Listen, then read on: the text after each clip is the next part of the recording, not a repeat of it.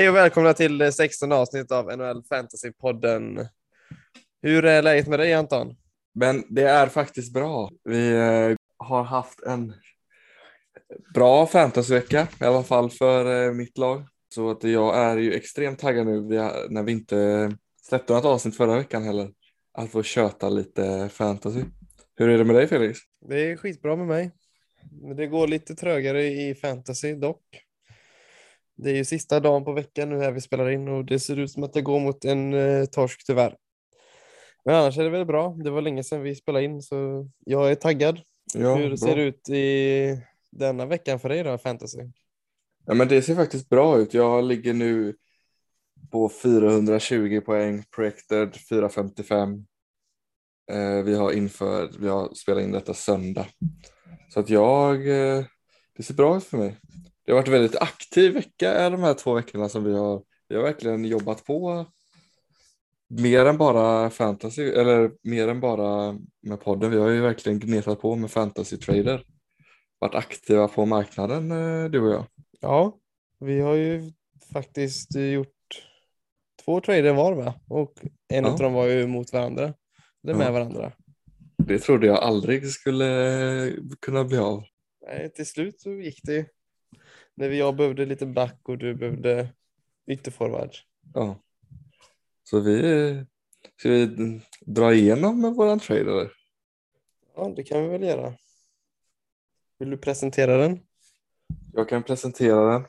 Då var det ju så att jag behövde ytterforward som du sa och du var ute efter eh, backar. Och då var ju traden så att eh, jag skickade Ehlers, Hyman och eh, Tony D'Angelo. Och du gav mig för det Tom Wilson, The Brinkat, Besser och Pavel Fransos. Korrekt. Och vi kan ju tillägga att detta gjorde vi 13 januari. Ja, så tio dagar sedan då. Ja. Det är svårt att utvärdera den så snabbt så, men det har väl ändå hänt lite efteråt. Jag har ju Ja. till exempel fått både Hyman och Ehlers skadade på IR. Så de eh, spelade en match tror jag, sen så blev de skadade. Men sen har ju D'Angelo har ju gjort poäng i varenda match och legat runt 10-15 fantasypoäng per match. Så det har varit bra i alla fall. Han har ju haft två eh, matcher, han legat över eh, 24 poäng senaste tiden också. Ja, så D'Angelo har fortsatt prestera riktigt bra. Så det, det är väl det positiva från det jag fick av dig i alla fall. Ja. Men mina gubbar har också, jag skeppade ju vidare Tom Wilson eh, sen. Så att han fick ju inte göra någon match för mig eh, innan han fick eh, åka vidare. Då skeppade jag han för, eh, jag gav upp han och eh, Meslikins och fick eh, Miller och eh, Shea Theodore. Då, för då, hade ju, då hamnade ju Hamilton på eh, IR. Då satt jag ju med eh, eh, tre backar för att eh, Hamilton eh, åkte på IR. Och då var jag tvungen att eh, ta in en, eh, en till och då därav eh, Theodore. Och han ville ju ha målvakt så då fick han med Slikins. Jag ville ha back och jag var sugen på Theodore. Eh, en, jag ville gärna drafta han men han tog han precis i valet innan jag tänkte ta han i draften. Och då har ju Theodore högre värde än med Slikins. Och sen la jag in Wilson och han Miller och jag tycker att eh, Wilson har högre värde än Miller. Och det tyckte han med. Så vi båda löste våra, vad vi behövde och alla är glada och nöjda. Mm. Du hade en lite mindre trade också. Lite bara byte av eh, en liten forward. Ja, vi bytte. Jag hade Seagrass som hade varit, gjort varannan match bra, varannan match dåligt. Så, så fick jag bytte han mot eh, eh Nekas i Carolina. Så vi gjorde en liten switch där och då gjorde han 1 plus 1 Nekas den matchen. Så det var ju skönt. Och sen hamnade han på IR och nu har jag droppat han. Så det var egentligen, eh, den betydde inte så mycket traden. Det var mest lite på skoj för att vi trodde lite på olika spelare där. De är ju ändå runt 60 procent roster ungefär båda två. Så det är ju, de är ju lite streaming-spelare på gränsen till streaming i alla fall. Det är ju typ samma. Eh, Seagrass är eh, första center i ett eh, mindre bra lag. Medan Nekas spelar en topp 6-roll i ett av NHLs bästa lag. Ja, man kan ju tycka att han skulle ha levererat bättre år Nekas i alla fall, tycker jag. Han har ju legat runt 200 hela året, Ja, trots att han spelat med Trocheck och Svesjnikov. ja. Trocheck har dock eh, senaste eh, matcherna exploderat. Han har haft eh, gjorde, assist i natt och sen 1 plus 1 matchen innan det och 1 plus 1 matchen innan det. Så han har Mm. kommit in i ett litet stim nu. Han är fin och han tacklas också mycket så. Men Ja. Nekas verkar inte få vara delaktig i de här poängen han gör. Jag vet inte riktigt vart han är på isen. För han spelar ändå topp 6 och så får han powerplay-tid. Men det verkar inte hända så mycket från han i år. Nej, det, det känns som att det, nästa år kan vara hans år. Det, han känns ju som någon som man ändå vill ha i sitt lag. eh, Ja, det kanske liksom, det kan ju blixtra till. Han har ju alla Ja. förutsättningar för det han ser ju riktigt eh, fin ut också på isen. Mm. Han ser det är ju bra som gör. Det är bra en hög exposure också för Carolina. Som Ja. är nästan det bästa laget i NHL, bland de bästa. De, det går ju bra för dem, har gjort hela året. Och då går det oftast lite bättre för de spelarna också. Går lite mer plus än vanligt och så vidare. Ja, om man vinner med eh, sju kassar som eh, eh, Carolina har gjort där. De har gjort eh, gjorde sex, sju, fyra mål. De gör ändå många mål, även om de kanske släpper in en del också ibland. Så eh, det är ju inte svårt att ha en liten assist, en liten andra ass. Om man får spela mycket. Ja, precis. mycket mål. Och det är lite samma med Florida som vi kommer in på senare. De har Ja. också vunnit matcher upp mot tvåsiffrigt nästan här i veckorna. Så det är också bra att ha exposure lite djupare i de lagen. Men ska vi summera de här traderna någonting eller? Vad tycker du om våran trade? Om Vi tänkte nu. lite, D'Angelo fick gå lite mot The Brinket kan man Ja. säga. Ja, D'Angelo kanske inte lika bra men han är ju back värd lite mer för att han är back då. ja, Och The Brinket spelar ju inte i lika bra lag heller som Carolina. nej, han gör ju mål. Mm. Så de gick ju lite mot varandra tänkte väl vi i den traden. Ja, Sen hade vi Ehlers som fick gå lite halvt mot Wilson. ja. Han låg väl runt eh, 50 rank då. Så att Ja, de låg i typ samma rank. Och Wilson har varit nere och vänt på 10 någonstans. Men jag skulle kunna tänka mig Wilson ramlar ändå upp ner till 100 om inte han gör poäng heller. Han låg ju point per game typ första 25 matcherna. Ja, Och sen Besser och Fransos och en Hyman mot de två. Hyman eh, och Besser är ju typ lite samma. Kanske. Hyman är kanske lite stadigare men Besser har högre tak. Ja, precis. Och där kanske Hyman är lite mer värd och det läggs in lite på eh, Wilson och eh, Ehlers. Ja, men Besser skulle kunna tända till. Det ju, han har ju inte varit så bra i år heller, Besser, så det är ju lite av anledningen till hans värde. Ja, Men, eh, och sen så plockade jag upp Besser gratis också och Fransos så att det blir lite lättare för mig att trada iväg dem när jag inte har gett något själv för dem. ja, Eh, och sen så får ju Fransos är värd mycket mer för dig än vad han är för mig eftersom att du har Kemper som inte har varit kanon och så. exakt. Så att de har ju fram tills nu delat på det senaste veckorna också. Så att det är ju inte, Mm. det är inte en 70-30 utan det är 50-50 som de har stått de Ja, senaste veckorna. Fransos har till och med stått lite mer. För mig, gjort- blir, för mig blir han bara en streamingspelare men för dig blir det ju att du låser upp hela Colorados, alla deras starter. Ja, Så det är väl en bra trade. Båda fick eh, bra värde tycker jag. Sen fortsätter mina spelare på IR så kommer jag, jag antagligen förlora traden ganska stort. Så, men om alla är friska så kan det gå åt vilket håll som helst tror jag. Nu har ju Miller och på covid så nu sitter ju han på IR. Mm. Kan han dra med sig Besser också? Möjligtvis. Det är inte omöjligt. Bessie hade ju han hade en, eh, sin första, eller sin första, men han hade en 15 poängs match i veckan. Det var gott att se med ett mål mot Nashville. Mm. Men sen eh, tre poäng mot Florida. Så jag tycker ändå att eh, det är lite tidigt att se nu. Alltså det är ju så många faktorer. Även om man får en bättre spelare men blir den spelaren skadad och inte spelar någonting så är den inte värd ett smack. Nej. Ehlers har tio matcher då, minst om, eftersom han är long time injury reserve. Fick jag reda på igår. Den är Så det är ju tuff. tråkigt, men då kanske han kommer tillbaka utvilad till slutspelet sen i fantasy. Ja, Så vi får la se. Och din trade tycker jag du vinner klockrent där mot när du plockar in Miller och Theodore. ja jag tycker också att eh, dock har ju Wilson blir, gjort det bra nu senaste, eller sen traden. Jag tror jag ska, jag ska se om att han, han är nu rankad 33 och haft eh, en streak där, gjorde tre mål på tre matcher och sen eh, några assist. Ändå legat på eh, fem, mellan 15 och 23 poäng varje match hittills sen dess. Mm. Så han har ändå gjort det bra. Han tacklas ju mycket. Men Miller har också gjort det bra. Så jag tycker också om att jag har gjort det ändå är nöjd.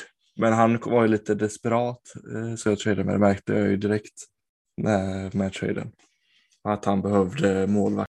Då han bara, jag för mig att han bara hade en målvakt. Och man vill ju ändå ha, kunna ha två, tre som ändå spelar mycket och sen eh, kanske fylla på med en fjärde streamingmålvakt eller om man kör ett tandempar. Precis.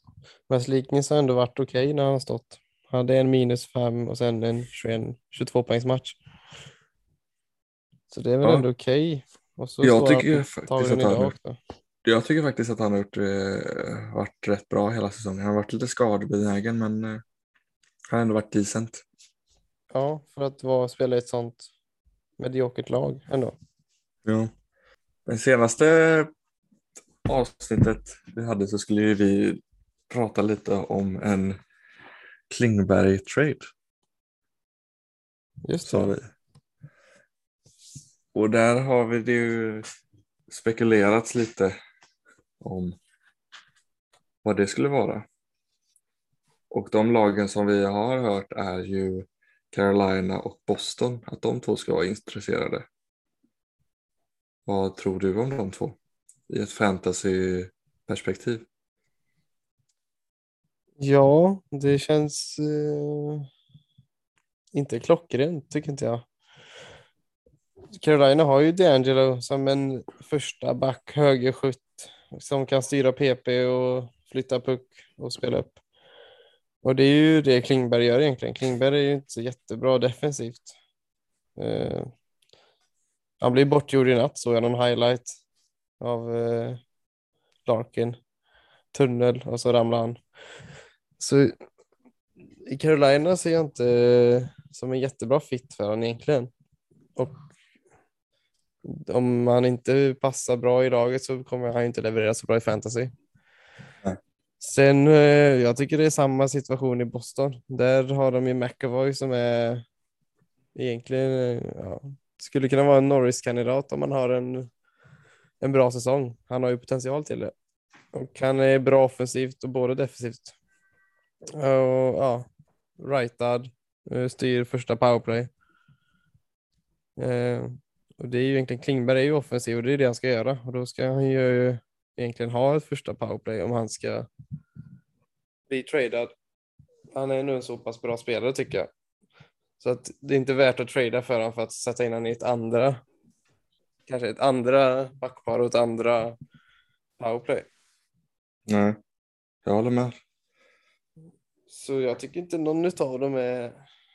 Jag tycker det är lite konstigt. Det är så fler om de tänker att D'Angelo inte kommer eh, signa inför nästa år, att de tar in Klingberg nu och så förlänger de med han. Men då skulle de lika gärna kunna signa han i sommar istället, Klingberg, när han blir free agent. Vad tycker du kring de här två lagen och Klingberg? Nej, men Jag håller ju med om det du säger och D'Angelo är ju bara en lite sämre variant av Klingberg. Lite billigare variant också. Alltså de är ju typ som du sa samma spelare ish. Så det beror ju liksom, det känns ju lite onödigt att värva in nu inför slutet. Då du kanske behöver ändå ge upp lite istället för att signa sen i sommar. Och Boston, ja, kanske. Men eh, då är det ju McAvoy som får flytta lite på sig och vill man göra det.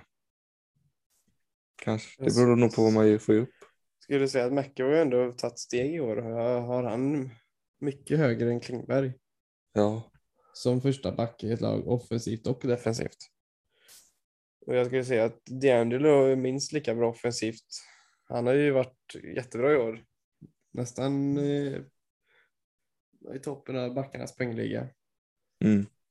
Så jag förstår inte riktigt. Jag skulle säga att det finns andra lag som han passar bättre i. Men det kanske inte är några riktiga contenders då, men så de kommer antagligen inte trada för han, utan det blir ju sommar i så fall. En signing så, om han Mm. vill gå efter pengarna och inte gå efter att vinna. Ja, jag vet inte heller vad, vad som är den bästa där. Har vi hört varför han vill lämna? Han får väl ändå rätt mycket förtroende. Um, det för bucklan han inte tror på laget eller? det- Ja, jag han läste någonting om att han inte kände sig uppskattad eller någonting sånt. Inte värd. Jag vet inte om de liksom inte ger, han vill ha deg. Tror jag. Mm. Och vill känna att eh, liksom, man får betalt för det man har ändå gjort. Ja.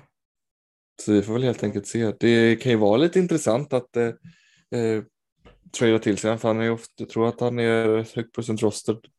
80 någonstans där skulle jag gissa. Om jag bara höftar lite och eh, man kan nog ändå vilja trada för för han är inte högt värd. Han ligger ju på 200 rankingen ish. Och får han komma till ett, eh, ett bra lag och han får spela PP så kan han ju flyga i ranking. Ja, ja är han, kommer han till något av dessa lagen och får förtroende så då skulle man ju lätt kunna ge upp något, någon mindre spelare i sitt lag som ändå är stående.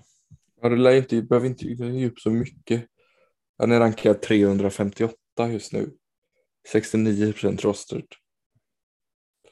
Och han hade en fyra poängsnatt mot eh, Buffalo för några dagar sedan. Så att han Ja. eh, har ju det i sig. Mm. Det ska, det ska bli intressant att, eh, att följa. Se vart var han kan hamna någonstans.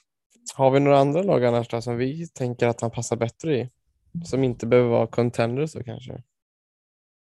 Jag tänker i alla fall att Anaheim eh, och kanske Montreal och Minnesota Ja, ska- lag där han skulle kunna passa bättre i än Boston och Carolina.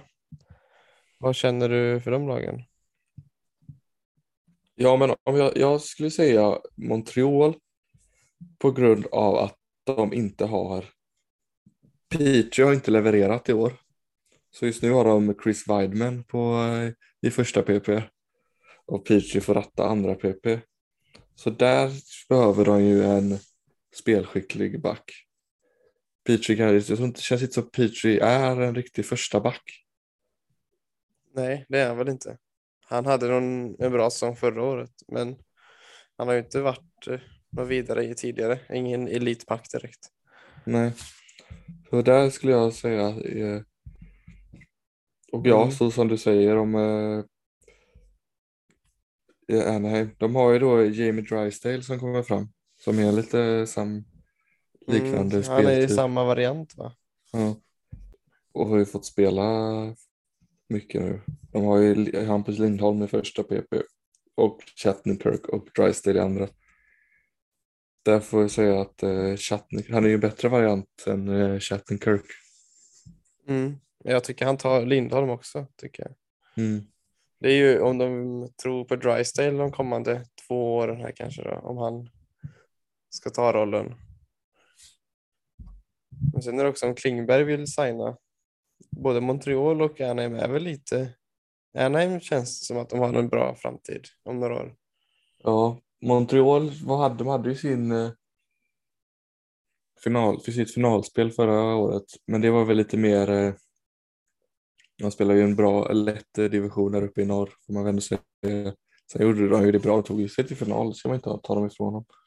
Men det känns som att det, var, det gav lite falska förhoppningar. Jag tror inte de är där. Jag tror de är längre ifrån. Men... Ja, jag, jag tycker de inte är något självklart slutspelslag. Eller nu i år har de verkligen inte visat det. Men har de någon potential? Har, de har en del unga spelare men inte jätte, inte jättevälfyllt prospect-sidan va? Men när man tittar på eh, hur de är utan Price och Webber, det var väl lite de som eh, drog det till eh, finalen. Säga. Mm. Sen Och har en, och en Peter också då som hade en kanonsäsong. ja, Toffoli gjorde det ju bra. Suzuki men spelar ju till sig sitt eh, kontrakt. Mm, precis. Men de har ju ändå ett uh, ungt eh, lag. Dvorak tradar han ju till sig.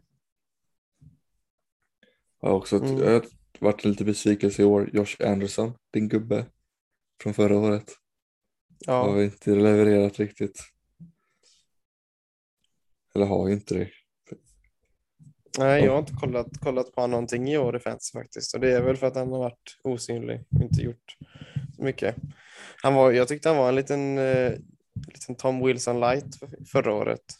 Ja, Han gjorde lite de- poäng och så smällde han på rätt mycket. Ja. Så det var ju... Han var ju någon man liksom, jag i alla fall tittade på i början innan säsongen drog igång. Nej. Sen så ska ju Klingberg också vilja signa i dessa lag. Om vi tänker till Ja. sommaren. Ja, Men frågan är om han kanske går lite mer åt pengarna eller om han vill gå för att vinna. För han hade ju kunnat stanna för lite mindre pengar då i Dallas. men Dallas är väl också ett lag som är på väg ner skulle jag säga. Jo, men tror du att han kommer signa något sämre lag än Dallas? För mer pengar nu då?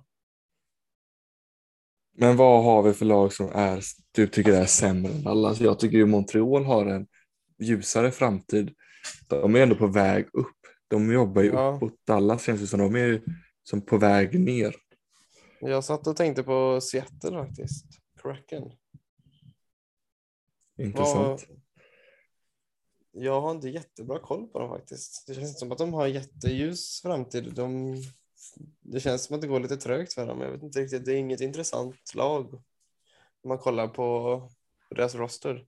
Nej, det är det inte och de har inte by- kunnat bygga upp en prospect pool riktigt heller. Där de- skulle jag kunna se Klingberg få rätt bra med lön och lätt kunna ta första backrollen rent Ja. offensivt sett. Ja, men det är liksom om man vill använda sina prime-år till att eh, spela och ligga de, bland de eh, fem sämsta lagen så eh, kan man göra det men det känns inte som att han det är ett alternativ. Väl Annars tycker se. jag, ja, jag tycker att. Montreal, eller vad heter de, Eh, Islanders, behöver, men de ju- behöver lite, de känns som att de spelar på ett lite mer defensivt sätt som kanske inte passar han riktigt.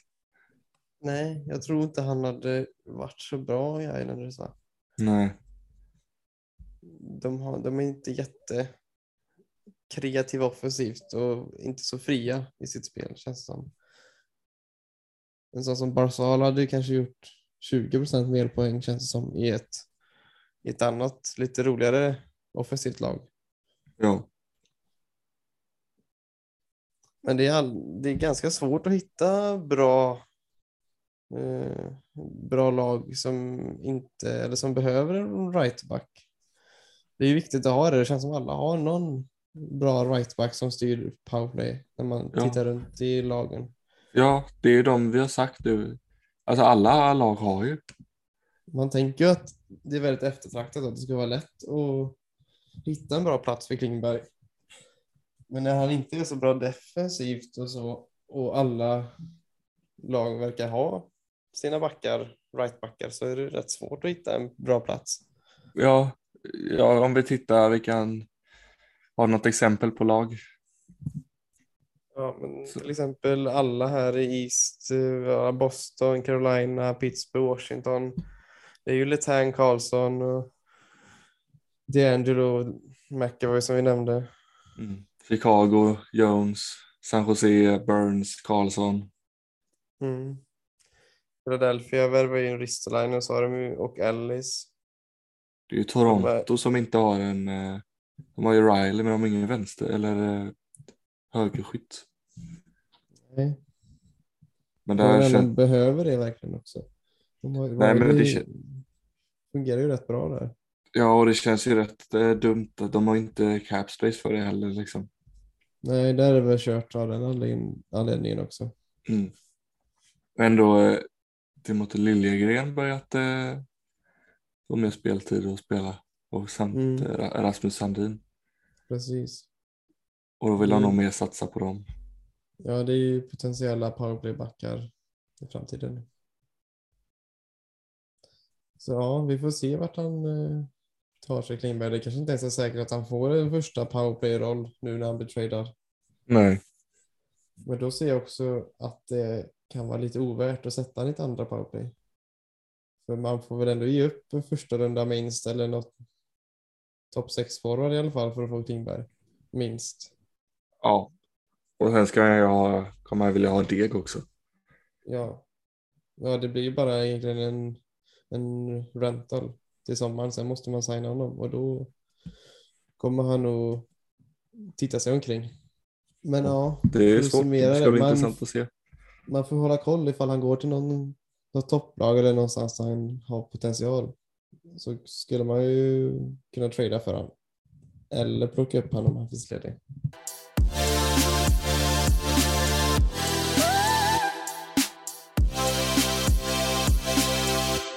Om vi går vidare till en lite positiv nyhet i eh, fantasyperspektiv. Det är ju att NHL kommer efter All-Star breaket sluta testa symptomfria spelare. Vilket kommer göra att fler, eh, färre kommer hamna på covid protocols. Och ur ett fantasyperspektiv är ju det väldigt positivt. Ja, jag vet inte hur många det är som testar positivt utan symptom. Men det är ju säkert rätt många, vad man har hört lite i alla fall. Ja, Så det vad man har hört så är det ju majoriteten. Ja, och då kommer vi slippa alla dessa IR-protokoll eller alla IR-platser och alla match, framflyttade matcher. Ja, Så det kommer ju vara skönt att slippa ta hänsyn till det så mycket och ha det som ett störningsmoment att inte kunna spela sina spelare och få inställda matcher. Liksom. Det, kan ju, det påverkar väldigt mycket om, om ett fantasylag i- påverkas mer så då kan man ha det tufft en, två, tre veckor. Och då blir det att man hamnar efter i ligan. Så det känns väl jävligt skönt eller? Ja, det känns faktiskt väldigt skönt. Slipper man. Det kan ju komma liksom så fem minuter innan match att de eh, sätts sätter upp och IR. Och det är lite svårt att eh, veta vad man ska göra då. Och något som vi ändå nämnde lite tidigare, som vi tänker att vi touchar lite mer på, är ju att eh, det går ju väldigt bra för Florida just nu. Och där tycker vi ju att om man ska titta på pickups så ska man, kan man ju titta lite djupare ner i det här för att som du sa, det är bra med exposure. Så man kan ju titta på spelare som eh, Anton Lundell som just nu spelar i en eh, andra centerroll när Bennett är out. Du har Duclair, kan vara ledig i några ligor. Jag vet att jag plockade upp han för inte så länge sedan i en av våra ligor. Men det är troligtvis finns han ju inte eh, ledig. Ja, alltså Florida har ju gått så jäkla bra senaste så att här kan man ju titta på topp 9-spelare lätt skulle jag säga. Ja. Anton Lundell spelade ju egentligen tredje center hela eh, förra veckan och innan det när de slaktade Columbus och Arizona tror jag. Mm. Och då gjorde han ju över 10 fantasypoäng ett par matcher där. En back där, Brandon Montour, kan ju också titta på. Som man får ratta andra PP och spela i en andra roll och är rankad eh, ja, men 150 där. Mm. 25, 25 procent roster pillar in några assist och då skjuter väldigt mycket. Så att eh, han gör ju sina fantasypoäng ibland ändå som back. Mm. Hur länge är Bennett borta? Är det... Han är out lower body. Mm, han är mer out. Nej, det har inte. Han skulle, spelade inte i fredags. Jag vet inte om han kommer spela idag. Troligtvis inte. Mm. Jag tror vi får nog reda på det snart om det blir. Duclair är ju riktigt bra att plocka upp om man har chansen. Nu har jag 75 procent roster. Ja. Så.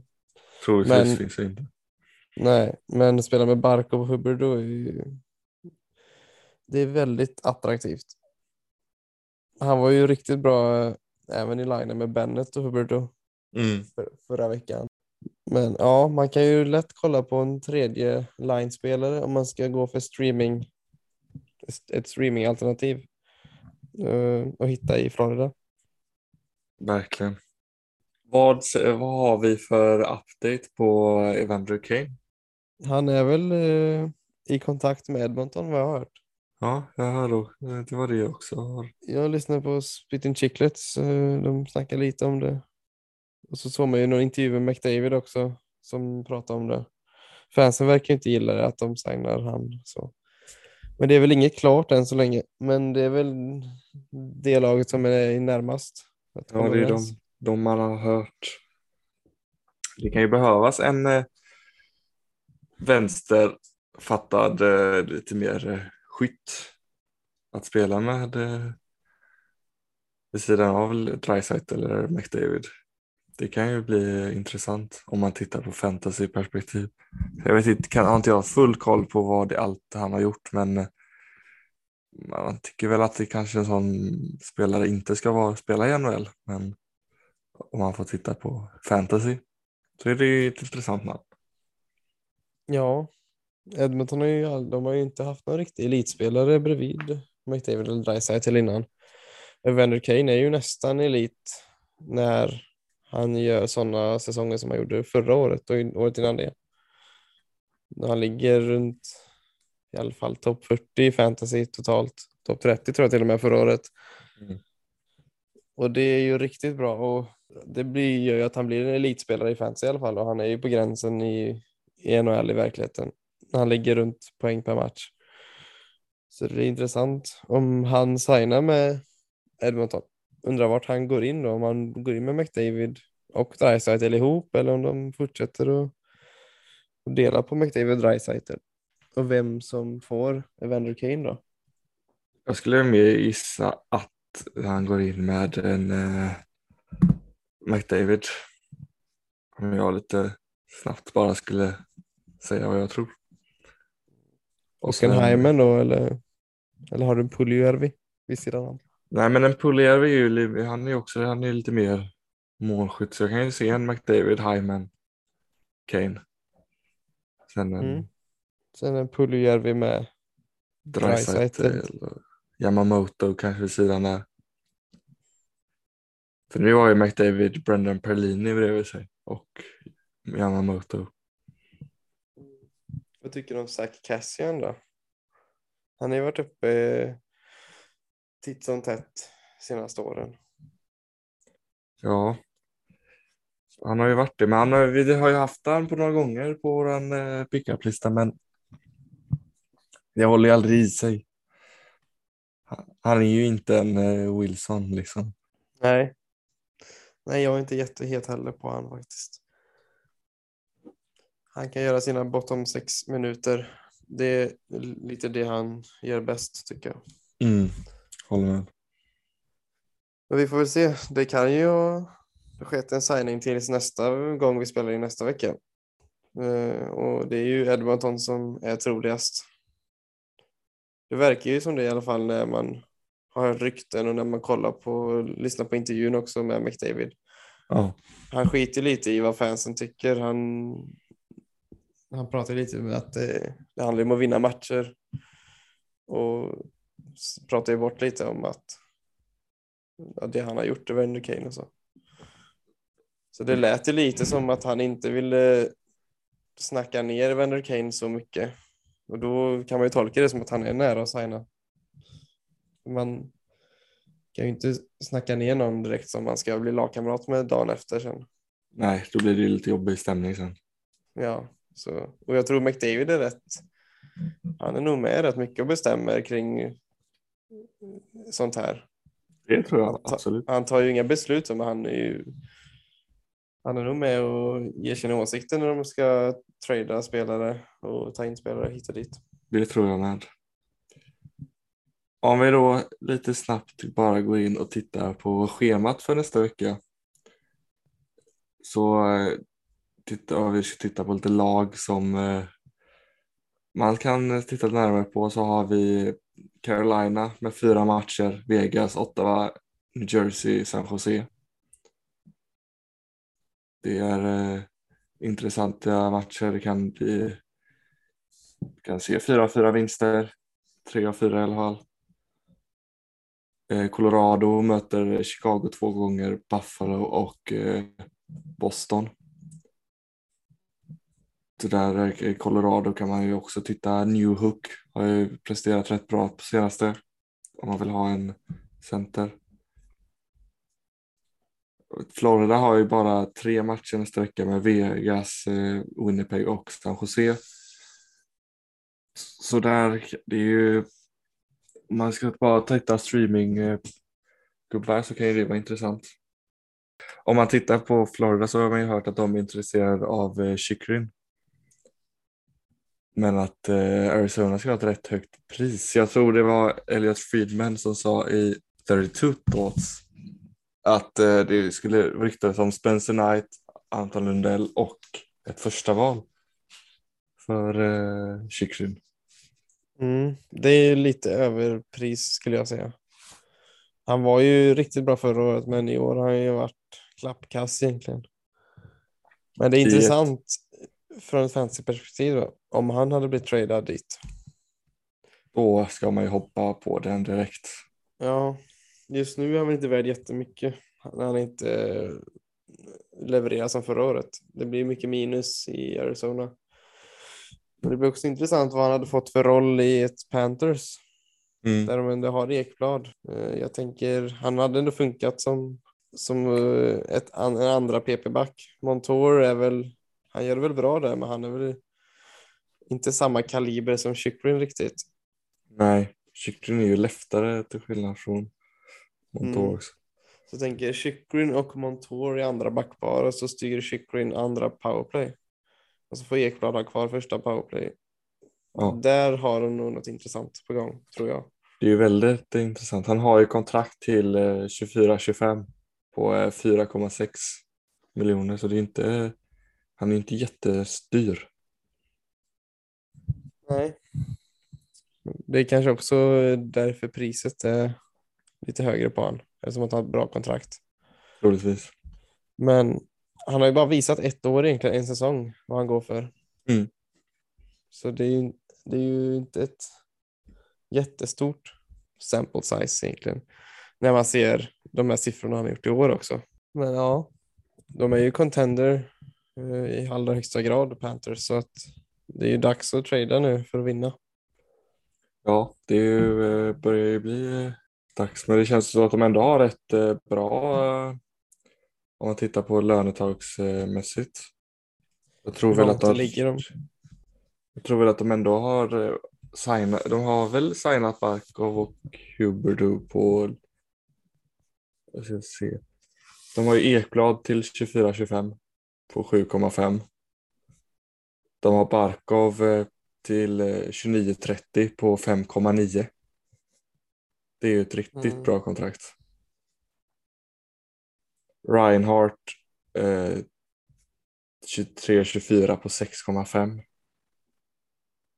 Den är lite saftig. Och eh, så har de ju Huberdeau två säsonger till på 5,9. Och om man tänker då med Barkovs kontrakt på, eh, så är det inte omöjligt att eh, Huberdeau också tar lite rabatt. För att få ihop det. Ja, alltså båda de hade ju kunnat lätt ha upp mot 11, 12 kanske, 11 någonstans på fria marknaden. Verkligen. Så det är ju, de måste ju satsa nu ifall inte Hur blir det att ta rabatt och så vidare. När kontrakten börjar gå ut sen om några år, då kommer ju det bli rejäla löneökningar på alla i princip. Ja, nu har jag också eh, Hörnqvist på 5,9. 5,3. Så att eh, det är ju kanske ett kontrakt som försvinner om han har denna och nästa säsong. Mm, det är det. Han är väl inte Så- riktigt värd de pengarna fortfarande. Nej. Men ändå bra forward och gör jobbet. Han verkar vara bra för omklädningsrummet har man hört. Ja. Och så har ändå eh, Bobrovski börjat eh, leverera lite, visa att han är en Vesina, dubbel Vesina-vinnare. Ja, det är väl där de haft problem. De har ju bra anfall, bra försvar egentligen. De har haft lite problem med målvakterna. Ja. Men ju nu ser det ju väldigt ljust ut med Bobrovski som med det dyra kontraktet ändå lever upp till det hyfsat. Och sen så har de ju Spencer Knight som kommer bli en första målvakt antagligen om några år. Ja, Så de har ju säkrat målvaktssidan i alla fall.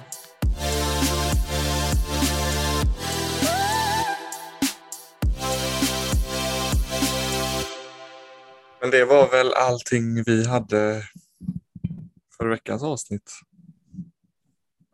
Ja, jag tror det va.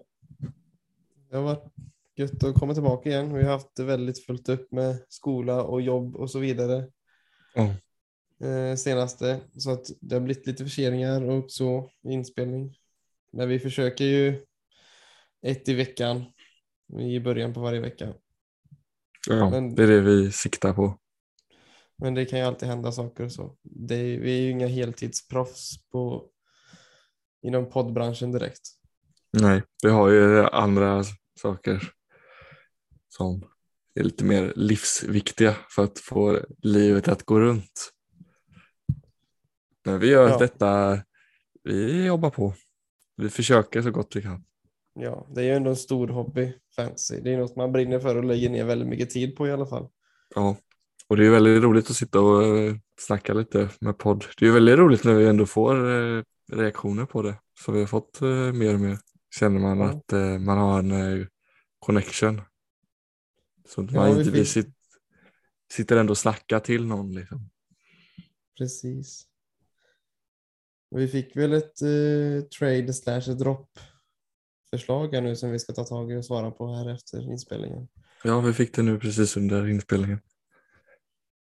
Vi- Det ska bli intressant att ta en titt på det laget som vi fick inskickat. Ja.